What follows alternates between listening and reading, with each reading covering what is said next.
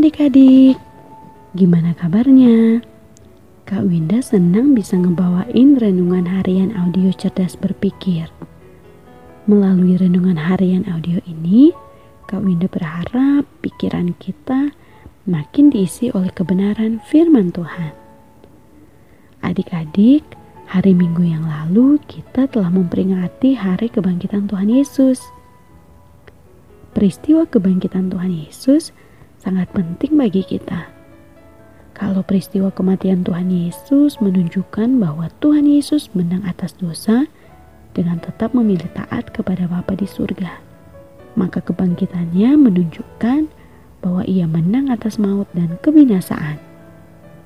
Hmm, ada banyak makna kehidupan yang bisa kita pelajari dari peristiwa kebangkitan Tuhan Yesus. Salah satunya ya yang Kak Winda akan bawakan nih. Judulnya masih ada harapan.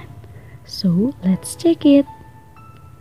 Kisah mengenai kebangkitan Tuhan Yesus dicatat dalam keempat Injil. Kak Winda mau bahas yang di Injil Yohanes saja ya. Adik-adik bisa baca di sepanjang Injil Yohanes 20. Hari itu, para murid Tuhan Yesus mendengar kabar dari Maria Magdalena bahwa Tuhan Yesus telah bangkit namun mereka belum bertemu dengan Tuhan Yesus.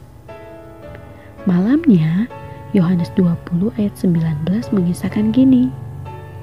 Ketika hari sudah malam pada hari pertama minggu itu, berkumpullah murid-murid Yesus di suatu tempat dengan pintu-pintu yang terkunci karena mereka takut kepada orang-orang Yahudi. Pada waktu itu datanglah Yesus dan berdiri di tengah-tengah mereka dan berkata, damai sejahtera bagi kamu. Ternyata para murid ada dalam ketakutan, takut kepada orang-orang Yahudi. Soalnya guru mereka dihukum mati. Mereka bisa kena imbasnya juga. Lagi pula dengan tidak adanya mayat Tuhan Yesus dikubur, para murid bisa dituduh mencuri mayat Tuhan Yesus. Ada ketakutan yang lebih besar lagi, takut nggak punya masa depan. Bayangin aja, guru yang karenanya mereka meninggalkan pekerjaan mereka, guru yang selama ini jadi andalan mereka, eh ternyata harus mati dengan cara yang hina. Bahkan sekarang mayatnya pun gak ada. Mereka merasa gak punya harapan hidup lagi. Tapi tiba-tiba dalam keadaan ruangan yang terkunci, Tuhan Yesus datang dan bilang, damai sejahtera bagi kamu. Ini jelas memberikan harapan bagi para murid yang dilanda ketakutan. Sang guru ternyata benar-benar bangkit. Kebangkitannya memberi harapan yang besar. Kebangkitan Tuhan Yesus juga memberi harapan yang besar bagi kita semua. Kebangkitannya menunjukkan bahwa Dia adalah Allah yang hidup. Kalau Dia hidup, Dia pasti mendengar kita, menolong, dan membimbing kita. Kebangkitan Tuhan Yesus memberi kita pesan ini. Masih ada harapan. Harapan di tengah-tengah keadaan yang kurang baik. Harapan di tengah-tengah kondisi ekonomi yang menurun. Bahkan harapan di tengah-tengah wabah virus COVID-19 yang mengancam. Ya, masih ada harapan.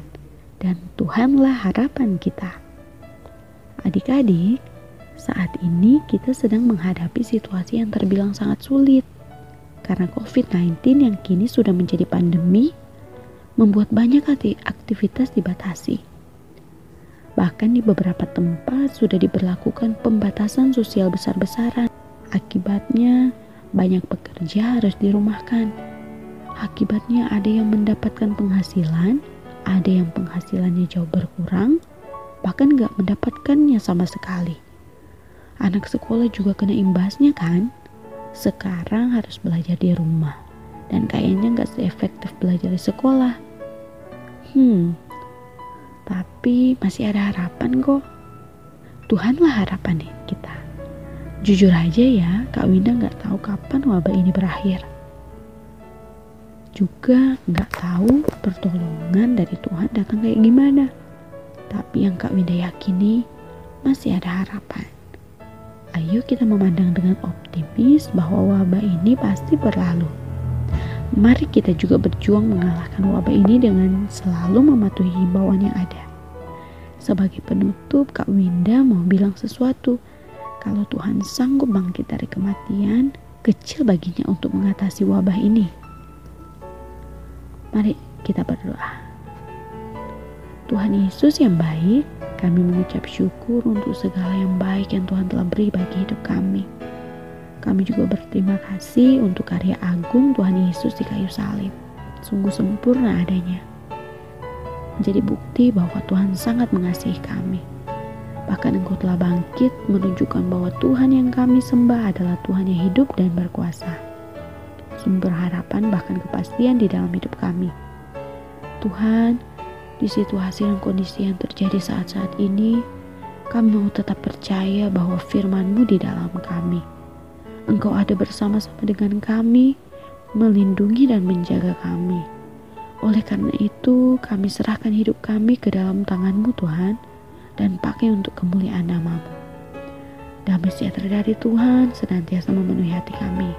Di dalam nama Tuhan Yesus Kristus kami berdoa dan bersyukur. Haleluya. Amin. Renungan hari ini telah selesai. Kami tidak mau ajak kita semua untuk tetap mendoakan bangsa kita bahkan dunia agar terlepas dari wabah ini. Oke, tetap sehat, tetap semangat, dan tetap jadi berkat. Tuhan Yesus memberkati. Dadah.